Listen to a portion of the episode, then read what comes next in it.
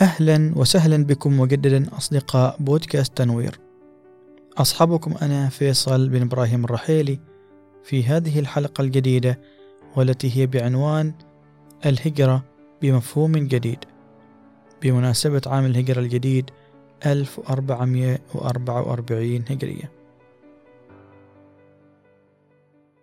في رحلة اليوم نريد نهاجر من ضيق المحدودية إلى سعة اللامحدودية.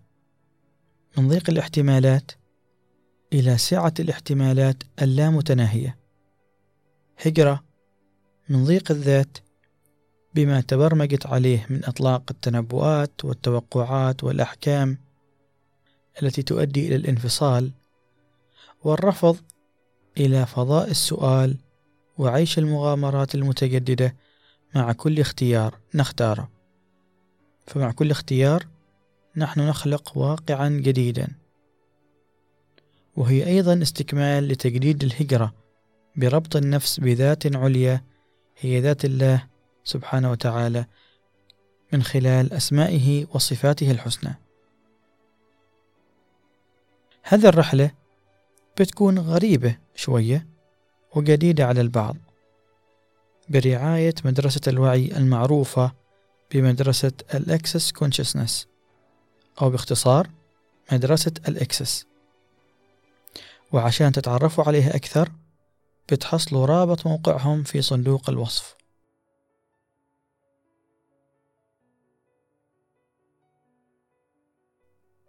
أول خطوة لهذا التحول الكبير من المحدودية إلى اللامحدودية هو بترك واعتزال. التوقعات والأحكام والاكتفاء بالمعرفة فقط. المعرفة هي الوعي وهي تعني عيش اللحظة هنا والآن بدون أي تفاعلات معها وبدون أحكام. فمثلا سمعت خبر عن فلان أن كذا وكذا وكذا يعني يمكن شخص يقول تخيل أن فلان شخصيته الحقيقية مخادع وشرير ومنافق. و و و من الصفات. كيف تكون ردة فعلك؟ جرب هذه الأداة واستمر عليها بتعرف كيف هو شعور السلام والراحة في عدم الحكم وكيف السعة اللي بتعيشها. جرب ترد وتقول أها تمام. أو أها أوكي تمام. شوفوا بدون أي فعل بدون أي ردة فعل. بهذه الطريقة أنت استقبلت معرفة معينة بدون حكم وبدون تفاعل. الحكم هو أنك تتفق معه وتقول خلاص بما أنك أنت شفته شرير إذا هو شرير. والتفاعل مع هذه المعرفة يكون بأن تقول يا الله فعلا خدعنا كلنا بتصرفاته. ما توقعت هذا الشيء يصدر من هذا الإنسان. اكتفي فقط بالمعرفة وعدم الحكم لأنك بالحكم أنت الآن تحكم بالانفصال بينك وبينه. وبدون الحكم أنت محافظ على هذا الصلة محافظ على الاتصال. وإحنا البشر لو كنا نريد المحبة والسلام والراحة فإنها تكمن في الاتصال ببعضنا البعض وليس الانفصال. بالدعم والحب وليس التقييد وإطلاق الأحكام وصنع التحزبات.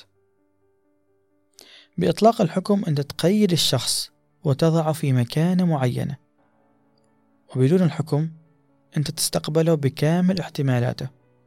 وما أدراك يمكن مساهمات لك ترفعك مقامات كبيرة وتستفيد منها في الحياة. ما تعرف. المهم أنك تترك الأمر للحظة العيش معه. لا تحكم لا تتوقع لا تتفاعل مع أي خبر عنه. دع الاحتمالات مفتوحة. مثل بعض الناس لما يتعرف على شخص يقول أتوقع إنسان جيد يعني باين عليه ما شاء الله عليه و... وأسلوبه جميل وفكرة ما شاء الله يعني رائع وراقي وكلامه حلو. ماشي مشكلة لكن لا تتحمس زيادة. لا تتحمس في التوقعات لأن التوقعات تخليك تقع في مأزق لاحقا. خلي كل شيء. كان إنسان جميل حلو. أنا استمتعت بقضاء الوقت معه. ماشي مشكلة. نشوف القادم. وما الممكن بعد من هذا الإنسان؟ خلينا نشوف الأيام القادمة. نجلس معه. احتمالات مفتوحة مع هذا الإنسان. ومن أهم أدوات فتح أبواب الاحتمالات اللامتناهية هو السؤال. إطلاق السؤال والعيش في السؤال بدون البحث عن إجابة. فقط اسأل وبيوصلك الإدراك وبتوصلك المعرفة اللي تناسبك والاحتمال اللي يناسبك. أما البحث عن جواب هو بمثابة ترك فضاء الاحتمالات والاكتفاء بتقييد نفسك في مكان ضيق جدا. ارمي البذرة وغطيها واسقيها وانتظر وانت تكمل حياتك. مستمر. بتشوفها تكبر. هذا هو صبر المزارع. زرع البذرة. هو يعرف إني أنا أصبر الآن وإيش أتوقع؟ ما إيش أتوقع؟ يعرف أنا إيش الآن أفعل وإيش بحصل؟ بدون توقعات. ما يتوقع تطلع أو ما تطلع تطلع جيدة أو ما تطلع جيدة لا. زرع سقى اعتنى وانتظر. الشجرة اللي بتطلع هو بيعتني بها إلى أن تكبر وتثمر. ما في توقعات. هذا هو صبر المزارع. تكلمنا عنه في الحلقة العاشرة من سلسلة آه، المحارب. اسأل ثم اسمح بالاستقبال دون عجلة. حتى لو تطلب الأمر أن تعيش السؤال أو الأسئلة اللي بتطرحها يوم كامل أو أسبوع أو شهر أو ستة أشهر. اصبر. وبمجرد أن تتعود على هذا النمط سيصلك الإدراك أسرع كلما سألت. عالم السؤال عالم كبير. يمكن تسأل عن كل شيء وأي شيء ولو في أشياء دقيقة جدا. وقبل أن أضرب بعض الأمثلة أريد أشارككم نقطة مهمة وهي أن طبيعة الأشياء ولو نشوفها أمامنا إنها صلبة مثل جسم الإنسان جسمنا الآن يبين, إنه صلب ولكن هو يحتوي على تسعة وتسعين فاصل تسعة تسعة تسعة تسعة تسعة في المئة فضاء. طبعا ما قلت فراغ لأن الفضاء يبدو أنه في فراغ ولكن في الحقيقة هذا الفراغ مملوء بشيء معين. لذلك نسميه فضاء. فأنت طبيعتك فضاء. ولو استمرت على طبيعتك هذه وسبحت مع دائرة الفضاء الأكبر بتستقبل كل شيء تريده وتتمناه وبتقدر تغير أي شيء تريده. فقط عليك أن تسأل ولما يصلك الإدراك تختاره. وتسأل لو كان هناك خيار أفضل باستمرار. بكذا أنت تظل إنسان جديد متجدد وكل يوم في مغامرة جديدة. على فكرة أنا سألت إيش ممكن يكون عنوان هذه الحلقة. وأنا أريد أتكلم عن موضوع الإكسس هذا وسحر السؤال. ومباشرة ظهر لي كلمة ظهرت لي كلمة الهجرة. ما فهمت إيش دخل الهجرة؟ سألت إيش دخل الهجرة؟ ظهر لي الهجرة من المحدودية إلى اللامحدودية. تماما كما ذكرت في أول فقرة من الحلقة لأني ما عارف إيش هو عنوان الحلقة. فسألت أريد أفهم الرابط وظهر لي هكذا بكل بساطة. بأن اللي إحنا نسويه الآن في هذه الحلقة لو مارسنا هذه الأدوات إحنا بننتقل إحنا بنهاجر من منطقة إلى منطقة. ومن مكان ضيق إلى مكان أوسع. وهذا هو مفهوم الهجرة. تنتقل من مكان ضيق إلى مكان أوسع وأرحب وأجمل. فكلكم تقدروا تعيشوا هذا الشعور. المهم هو العيش في السؤال والصبر وترك الأحكام والتوقعات وترك البحث عن إجابات. خليك حر تماما وسلم نفسك. عيش السؤال فقط. من الأسئلة اللي تقدر تسألها وتمارسها لما تسمع خبر سيء أو جيد وهو في الحقيقة ما في خبر سيء وجيد هو مجرد خبر مثل ما اتفقنا بدون تصنيف وأحكام. هذا الخبر أنت كيف تتفاعل معه؟ فرحت أو حزنت؟ لكن الخبر ما له دخل يكون سيء أو آه جيد هو خبر. فإذا سمعت خبر أسعدك أو ضايقك تسأل.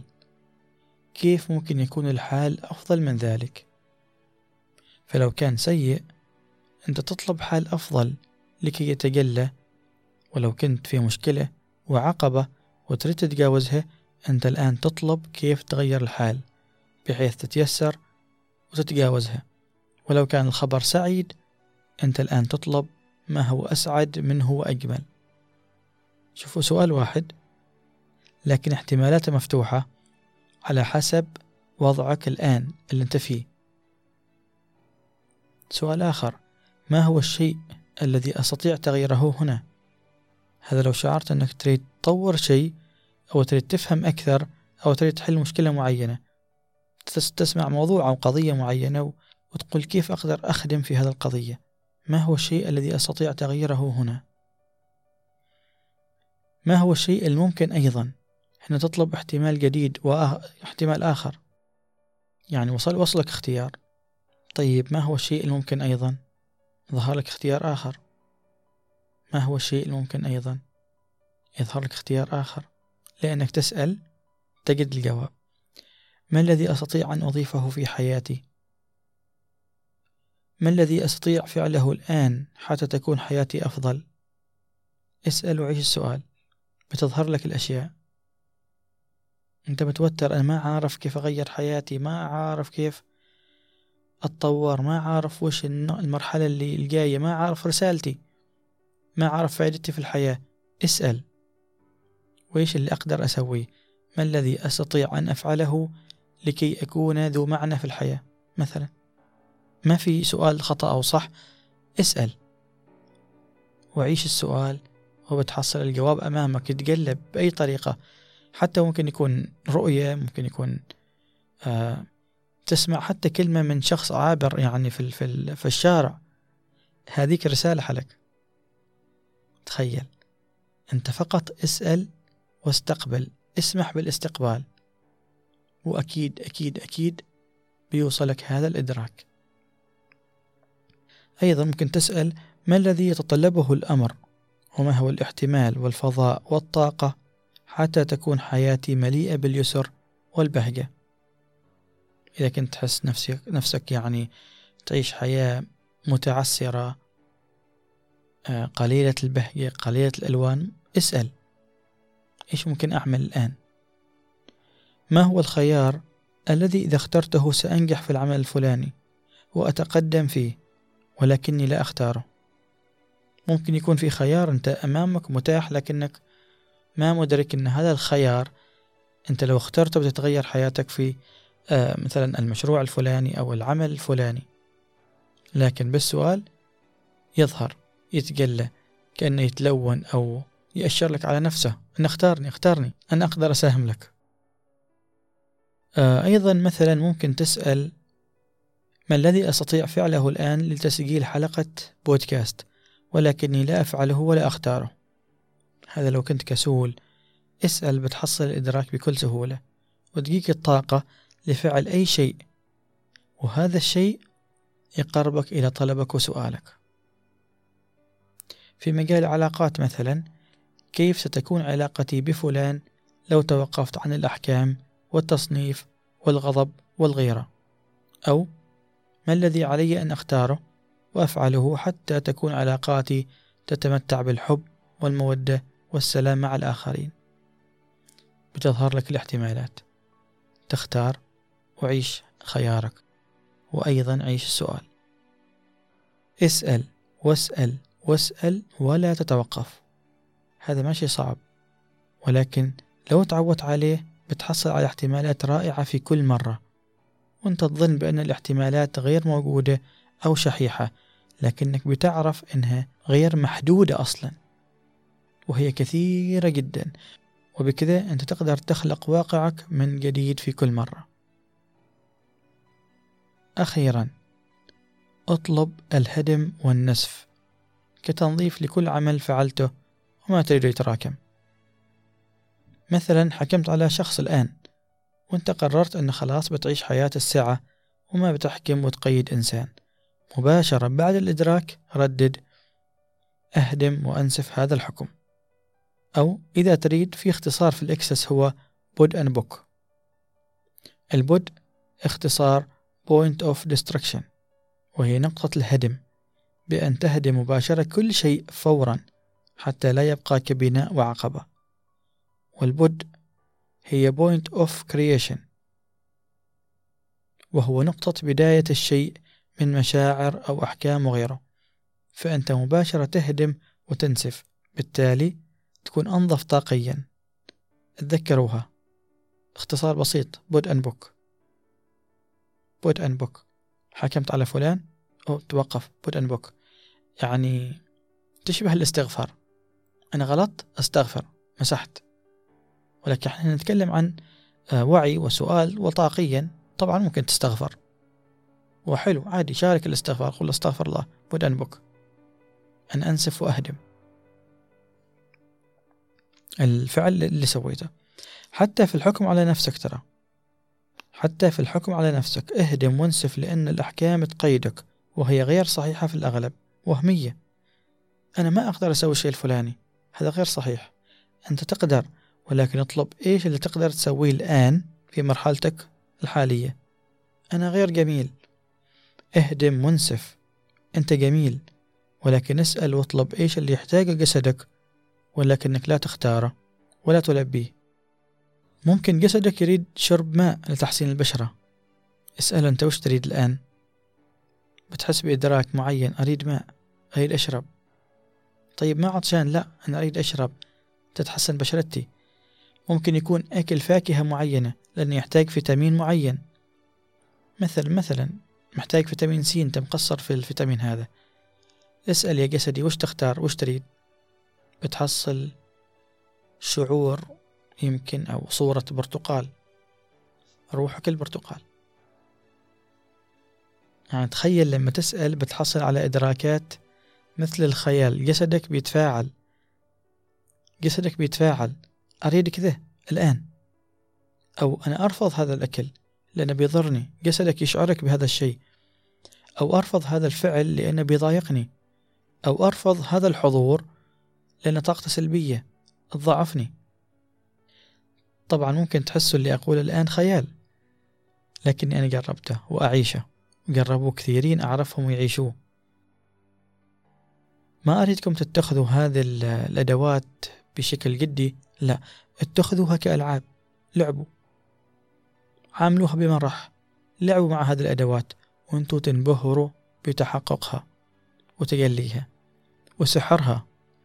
ابتكروا في السؤال وتخلصوا من أي معيقات ممكن تمنع عنكم استقبال المعرفة. بهذه الأدوات يا أصدقاء أريدكم تعرفوا بأنكم دائما تعرفوا.